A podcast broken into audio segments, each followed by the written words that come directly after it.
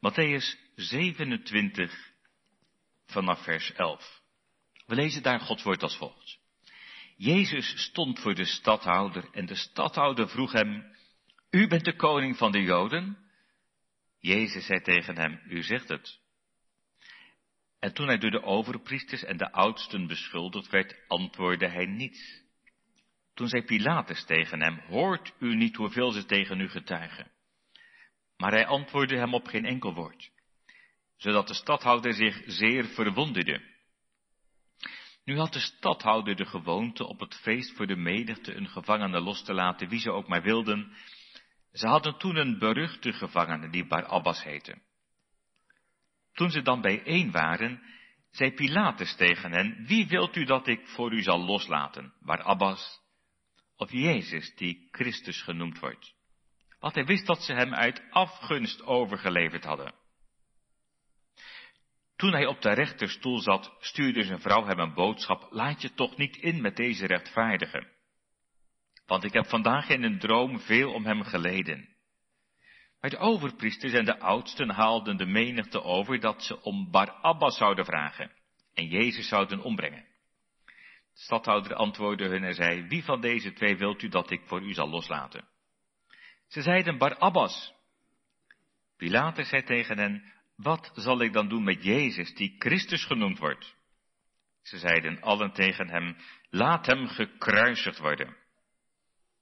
Maar de stadhouder zei, wat voor kwaad heeft hij dan gedaan?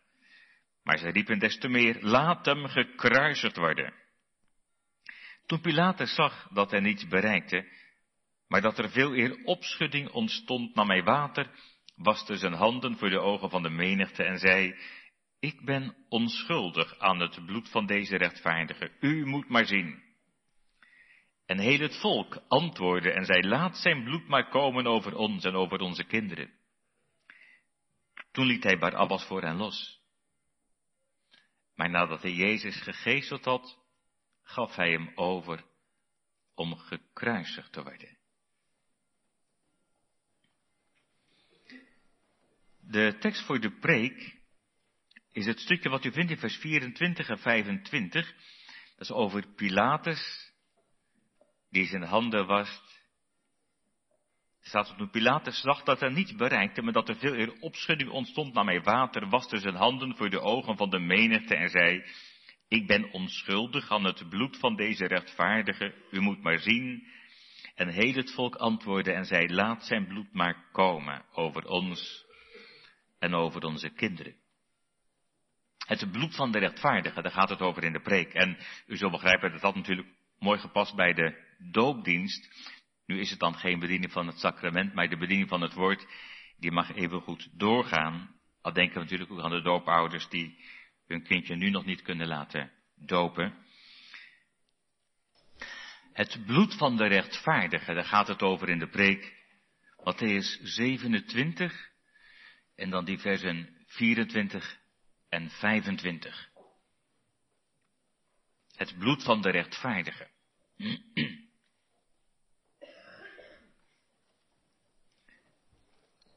Nou, misschien jongens en meisjes, eerst voor jullie. Er staat ergens ook in je boekje de vraag, wie is die rechtvaardige? Nou, ik denk dat dat wel, wel een beetje aanvoelt, of niet die rechtvaardige. Als het met een hoofdletter er staat, dan kan het er eigenlijk maar één zijn. En dat is de Heer Jezus. Weet je wat dat betekent, rechtvaardig? Dat je onschuldig bent. Dat je echt helemaal goed bent. Rechtvaardig wil zeggen dat je echt bent zoals God het wil. En dat is de Heer Jezus. Het bloed van de rechtvaardige. Gemeente, rechtvaardigheid staat in contrast met onrecht. Onrecht. Onrechtvaardige behandeling. Een onrechtvaardige beschuldiging. Nou ja, dat kan in de klas gebeuren, jongens en meisjes. Stel je voor, het is een beetje onrustig. En de meester of de juf heeft al gewaarschuwd. En ineens schiet iemand een propje naar voren. En, en de juf of de meester denkt dat jij het hebt gedaan. En zegt, ik heb het niet gedaan, maar je krijgt toch straf.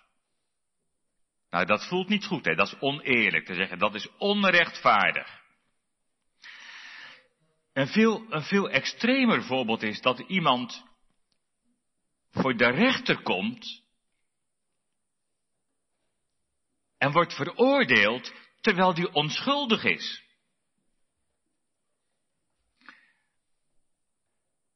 Als u iets van geschiedenis weet, dan weet u misschien van die Dreyfus-affaire. Ik ben er net wat over aan het lezen. Dat is geweest nog voor de Eerste Wereldoorlog. Dat was een hooggeplaatste officier in het Franse leger. Die, die werd beschuldigd van spionage. En dat, dat was een valse beschuldiging. Dat is later ook gebleken. Het is een hele rel geworden, een hele toestand geworden. Maar wat, wat zo'n man heeft meegemaakt toen hij onschuldig werd veroordeeld en verbannen, vernederd,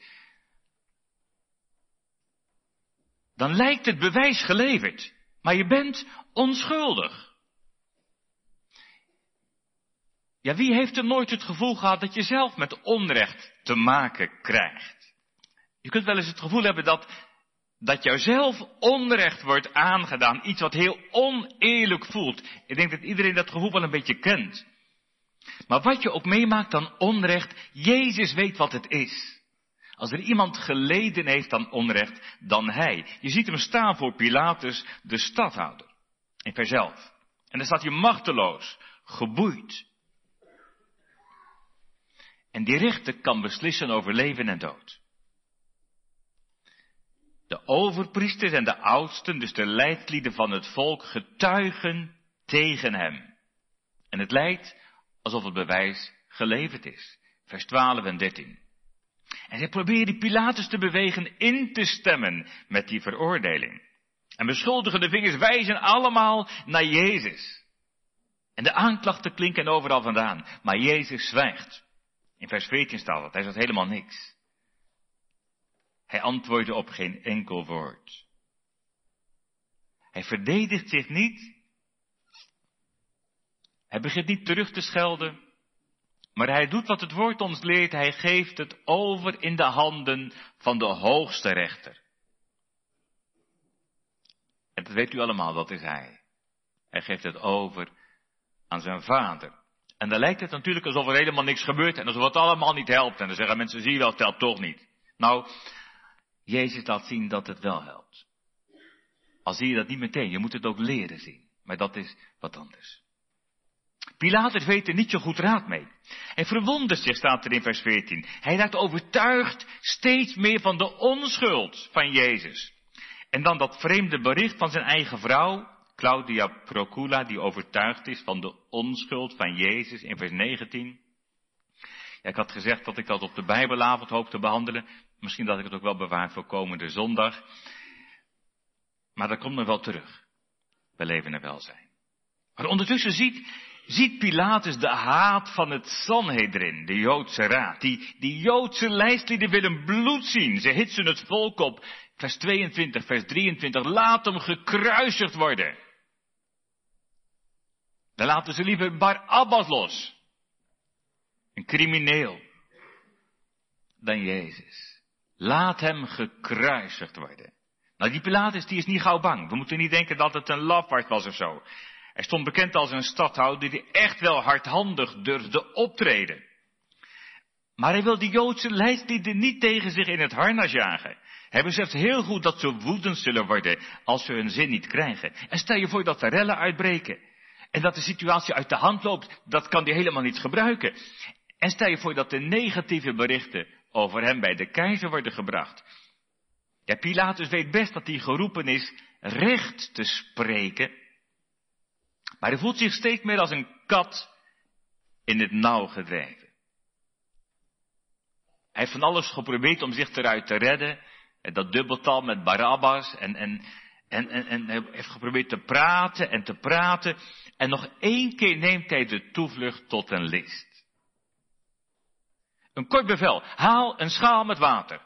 Ja, wat gaat hij daar nou mee doen?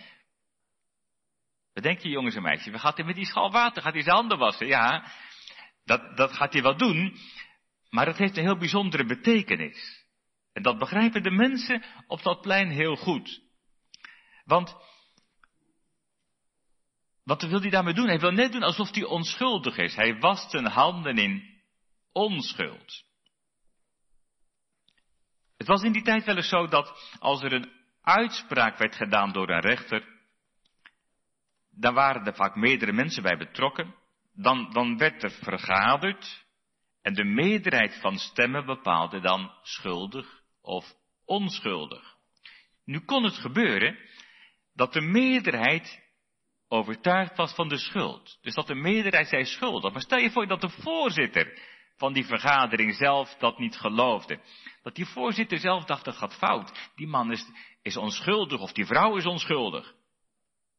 En als die voorzitter twijfelt aan dat schuldig zijn, dan, dan kon hij in die tijd letterlijk om water vragen en zichtbaar voor iedereen zijn handen wassen in onschuld om te zeggen, als jullie hem toch veroordelen, daar wil ik niks mee te maken hebben.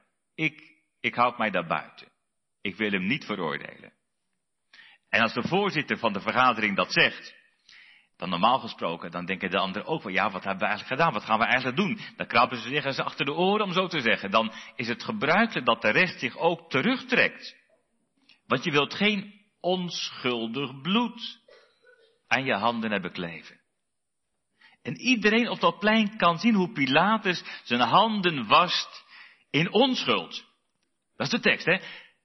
Ik ben onschuldig aan het bloed van deze rechtvaardige. U moet maar zien. En laat die woorden eens op u inwerken. Ik ben onschuldig aan het bloed van deze rechtvaardige.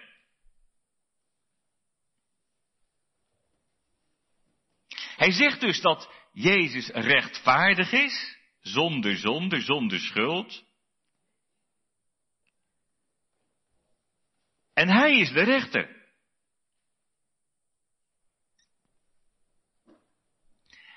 Hij geeft een openlijke verklaring van onschuld. Dan kun je maar één ding doen als rechter.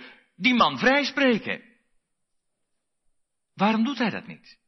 Wat moet dat vernederend zijn geweest voor Jezus? Dat zelfs de rechter zijn onschuld uitspreekt, maar zich ervan aftrekt, in plaats van hem vrijspreekt.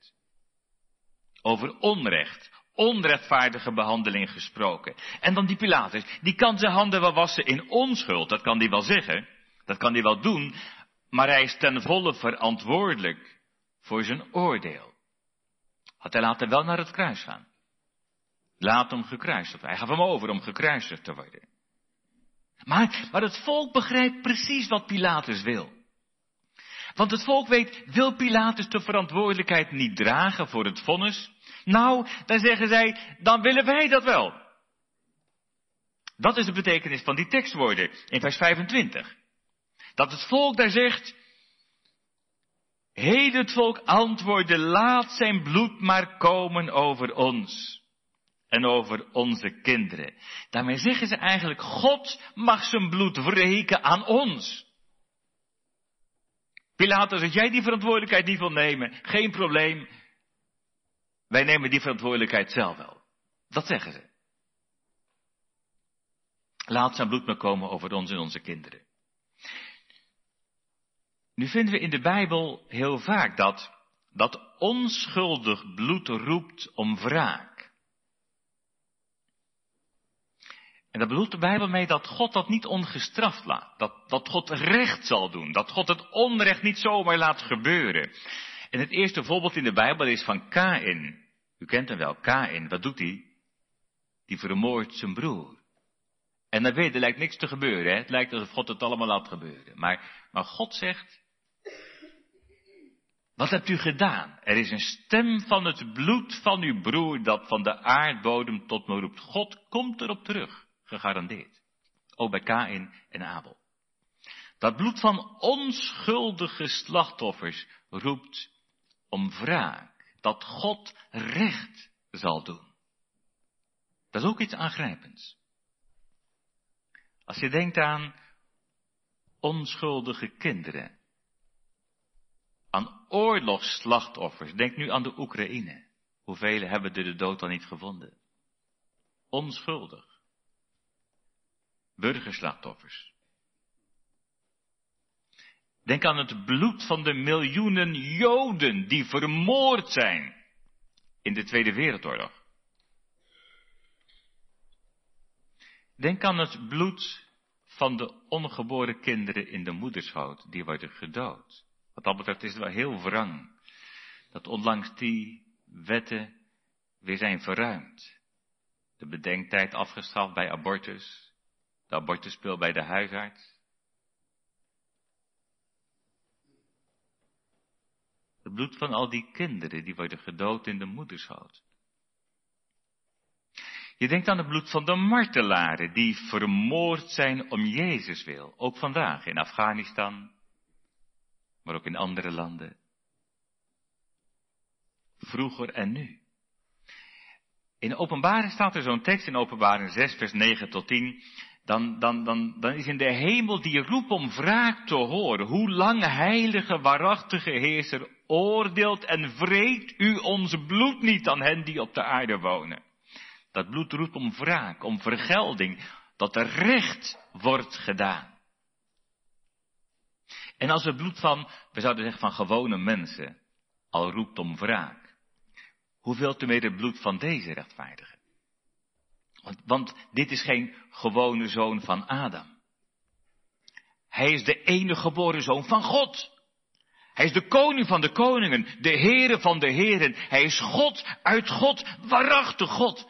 Hij is wel mens geworden, echt mens van vlees en bloed, maar zelfs als mens zonder zonde. Pilatus heeft het zelfs erkend. Deze rechtvaardige, zegt hij. Hij is de zuiverste liefde in eigen persoon, die alleen maar goed heeft gedaan. Rechtvaardig in de ogen zelfs van Pilatus, die hem laat kruisigen. Laat staan in de ogen van zijn vader. Hij is vaders trots, hij is vaders lieveling, hij is de enige geborene. Wat betekent een kind veel voor je? Dat hoef ik u niet te vertellen. Stel je voor als ze komen aan je kind. Laat staan een godskind, vaders lieve zoon. En dan die vreselijke woorden. Laat zijn bloed maar komen over ons en onze kinderen. Is dat niet, is dat niet vragen om wraak? Daar wil ik met u wat langer bij stilstaan.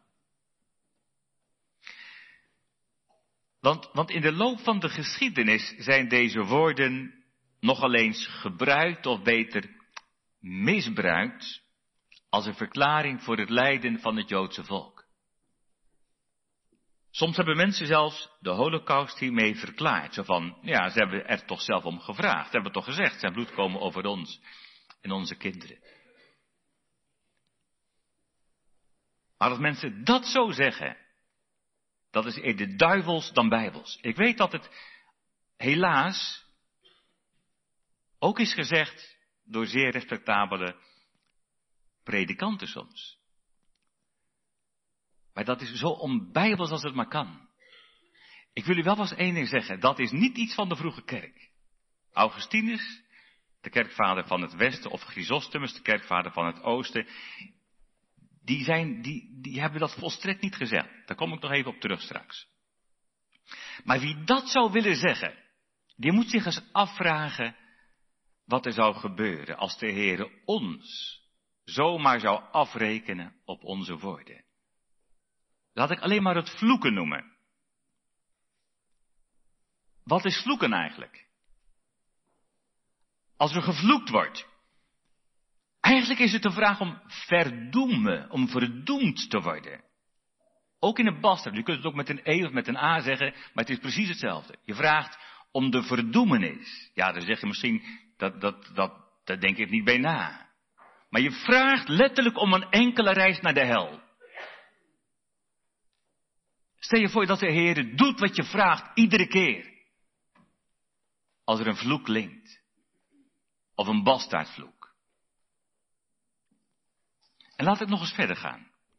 Betekent in werkelijkheid niet iedere zonde die we doen of denken, ook de kleinste zonde, betekent dat niet een vragen om de wraak van God, om de straf van God? Wie durft er vandaag voor Gods aangezicht zijn handen te wassen in onschuld? Wie denkt er dat je vrij uitgaat als God met ons zal doen, naar onze zonde, vanmorgen hier in de kerk? Zo gij in het recht wilt treden, o Heer en gade staan onze ongerechtigheden. Wie zal dan bestaan? Dan kunnen we wijzen naar het Joodse volk. Met één vinger. Maar dan wijzen al die andere vingers terug naar ons. Dan kun je maar één ding doen. Dat, dat, dat je hem aanroept.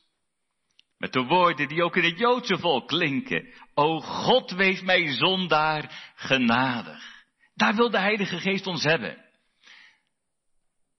Dat we zelf onze schuld zien, maar vergeving zoeken. Daar wil hij Jood en Heiden hebben.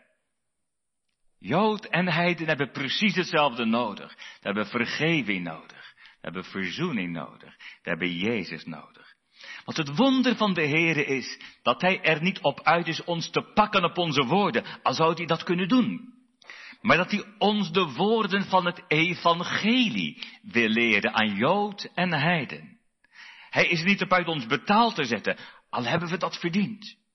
Maar om weg te nemen wat er tussen ons en Hem instaat.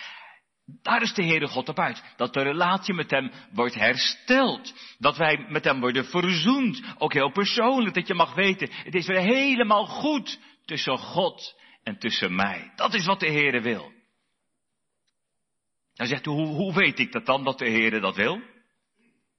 Dat zie je misschien op het eerste gezicht niet. Als je ziet hoe Pilatus hier optreedt als rechter. Dan lijkt het net of Pilatus het eerste en het laatste woord heeft. En, en dat zie je niet als je het volk hoort schreeuwen in die redeloze woede. Als je dat wilt zien, moet je letten op de grotere verbanden. En dat is heel vaak in het geloof, niet van de kortzichtigheid, maar van de langere termijn. Dat je verder leert zien. Verder zien. Hoger zien. De grotere verbanden. Dan kom je iets op het spoor van dat wonderlijke geheim van het evangelie. Het is en blijft een geheim. Een heilsgeheim. Maar wel een geheim dat geopenbaard wordt.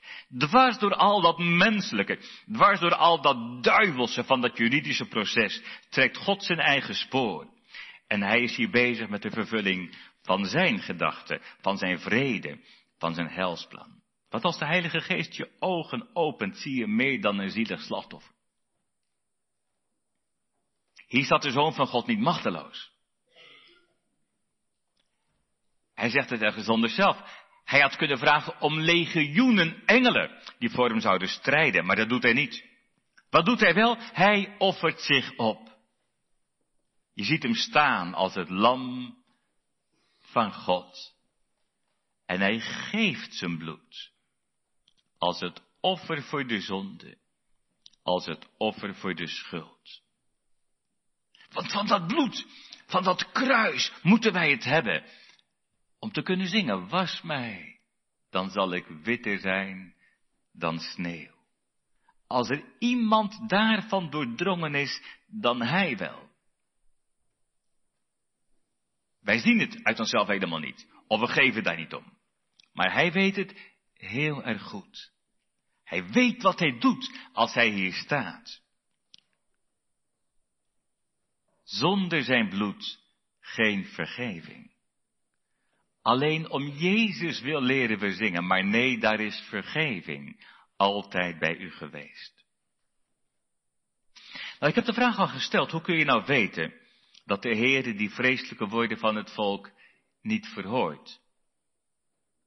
Hoe kun je nou weten dat de Hemelse Vader het bloed van zijn zoon niet wreekt aan het volk voor Pilatus? Hoe kun je dat weten? Dat laat de Heer zien. Dat laat hij zien. Dat zijn die grotere verbanden van de schrift.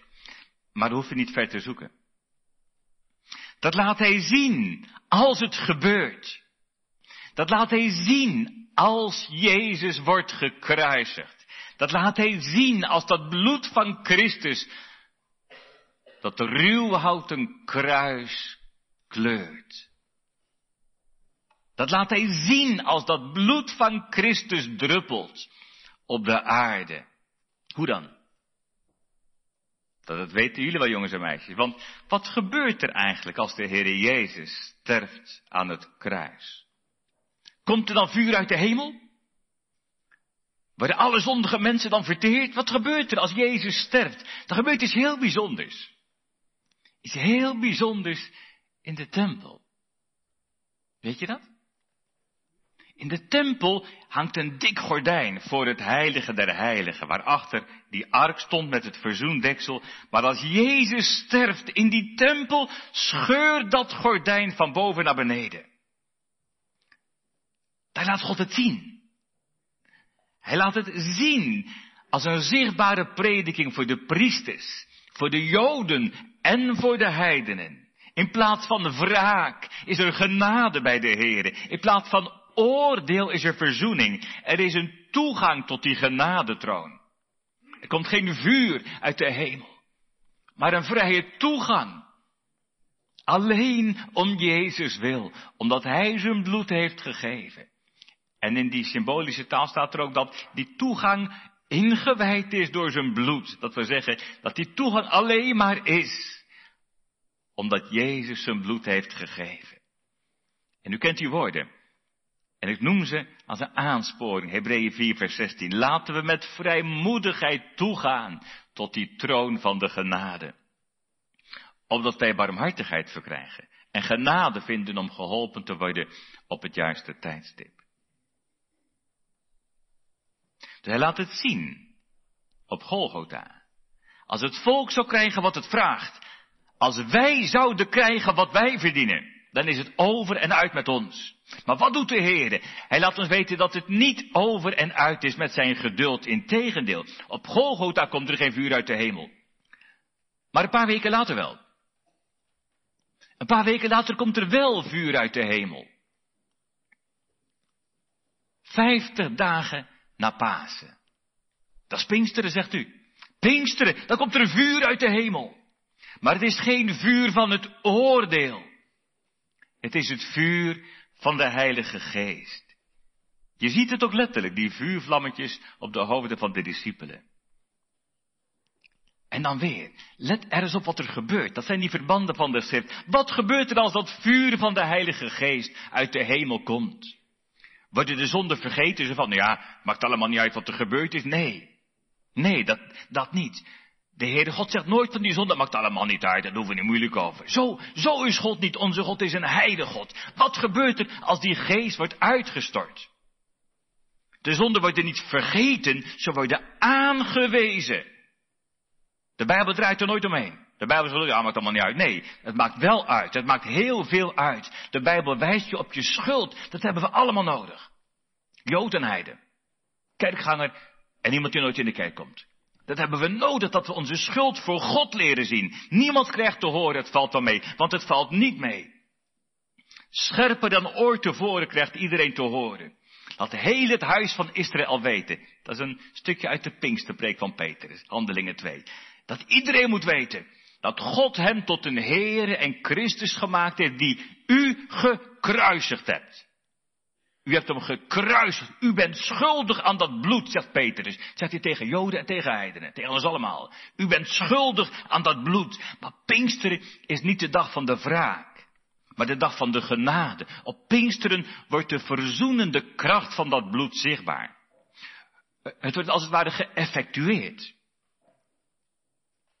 Wat Christus heeft volbracht op Golgotha, dat wordt ingezet. Dat krijgt betekenis. Dat werd iets uit. Er gebeurt wat. Op Pinksteren worden zondige mensen met God verzoend. Daar leren jongeren en ouderen de kracht van dat bloed kennen. 3000 op één dag. Ze komen tot geloof en tot bekering. Als God met ons zou doen naar onze zonde, dan was het over en uit met al zijn beloften.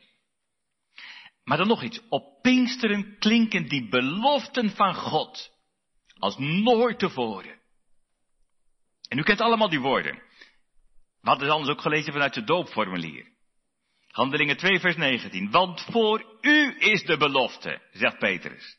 Dat zei hij tegen het Joodse volk. Dat is de verbondsbelofte voor het Joodse volk, voor u die daar stond. Wat Petrus stond te preken met Pinkster. Die belofte is voor u en voor uw kinderen, zei hij. Ja, ook voor de kinderen. Dat is in het verbond dus ook voor de kinderen. En voor allen die ver af zijn die er buiten stonden. Maar die erbij komen, die verder af zijn, dat zijn wij, dat zijn de heidenen, dat zijn wij. We komen, er, we komen erbij. Voor u is die belofte, ook voor ons. Die was anders vanmorgen weer bevestigd. En iedere keer als de doop wordt bediend, wordt die belofte bevestigd van kind tot kind, die oude belofte. Voor u, zei Petrus tegen de Joden, en voor u die vooraf bent, dat zijn wij. En die belofte wordt bevestigd tot de laatste dag. Tot de dag van de wederkomst.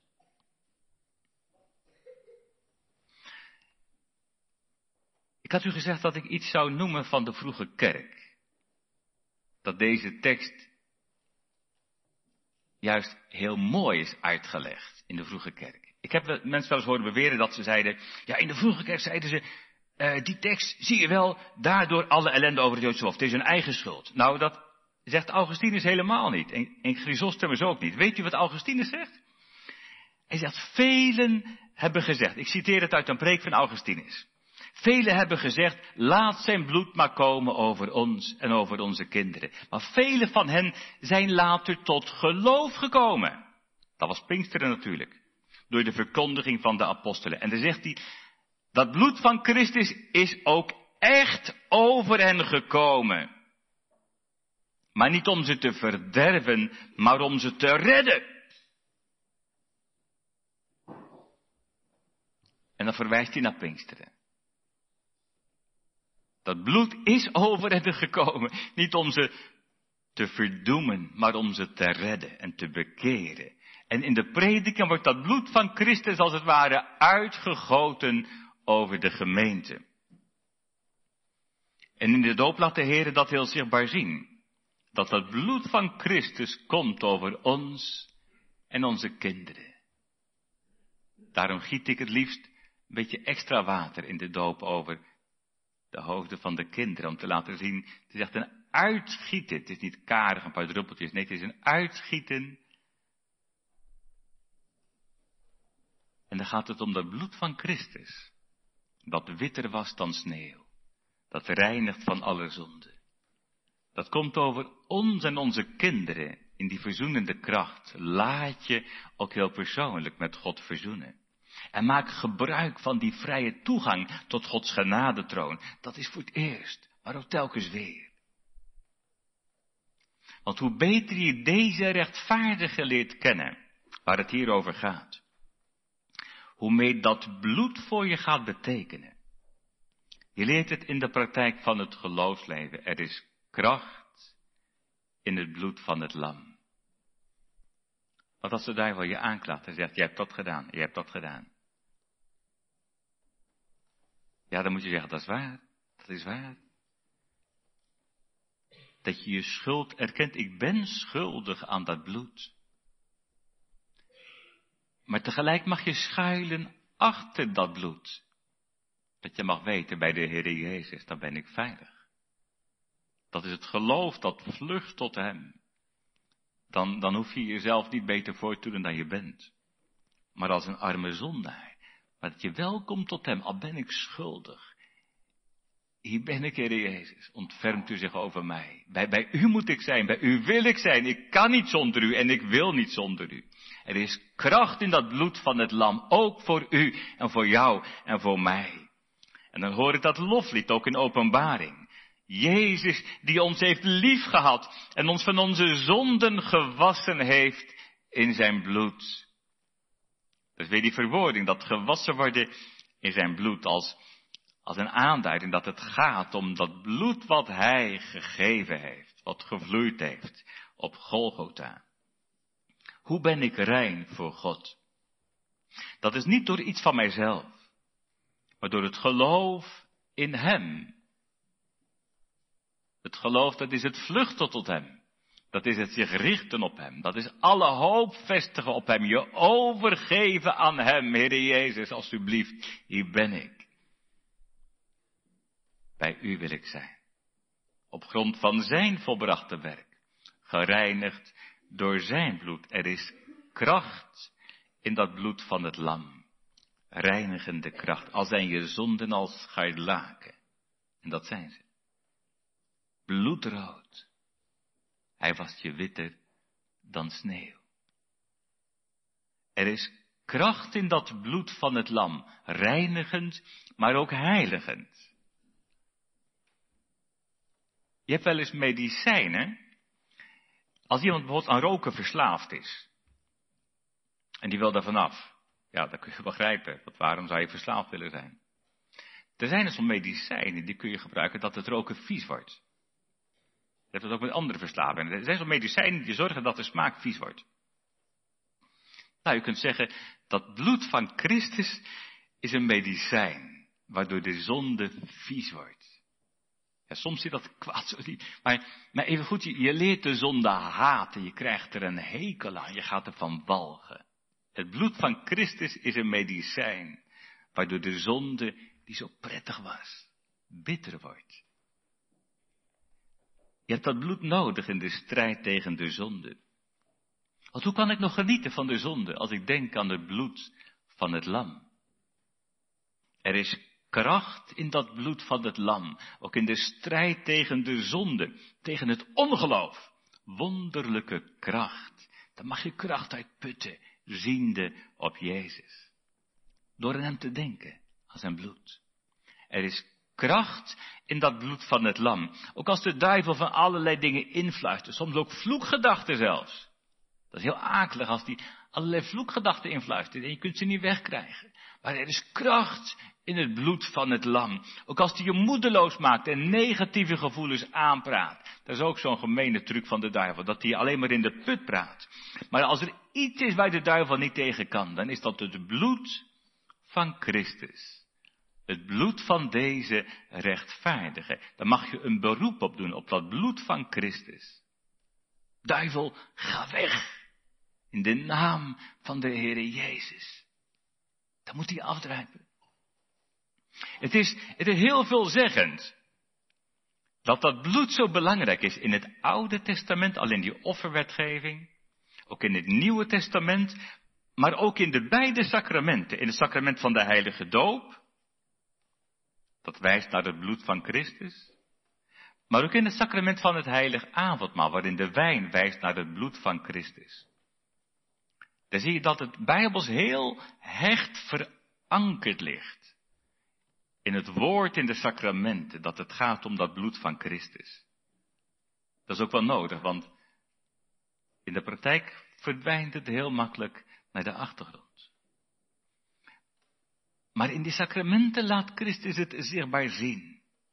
Dat het gaat om dat bloed. Dat reinigt van alle zonde, vergoten tot een volkomen verzoening van al onze zonden. Met dat bloed van deze rechtvaardige staat of valt alles. Voor ons en voor onze kinderen. Zonder zijn bloed is er geen vergeving. Niet voor de Joden en niet voor de heidenen. Zonder dat bloed van Christus, zonder dat je schuilt bij Hem, zul je sterven in je zonde. Dan blijft alleen die wraak over.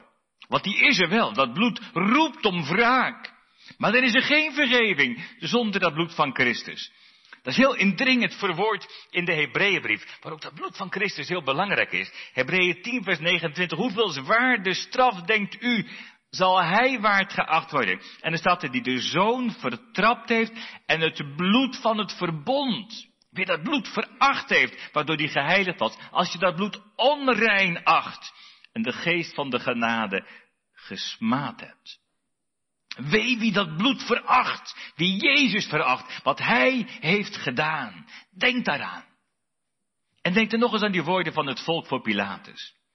Denk er nog eens aan en zeg het dan mee. Niet als een vloek, maar als een gebed, een gebed om zegen. Heere, laat uw bloed maar komen over ons en over onze kinderen. Opdat wij en onze kinderen, ook onze jongeren, dat ze dat nieuwe lied zullen zingen. Dat lied dat blijft klinken tot in het nieuwe Jeruzalem, in de hemelse heerlijke. Dat er niemand buiten zal staan, maar dat ze erbij zullen zijn, ook onze kinderen, onze jongeren.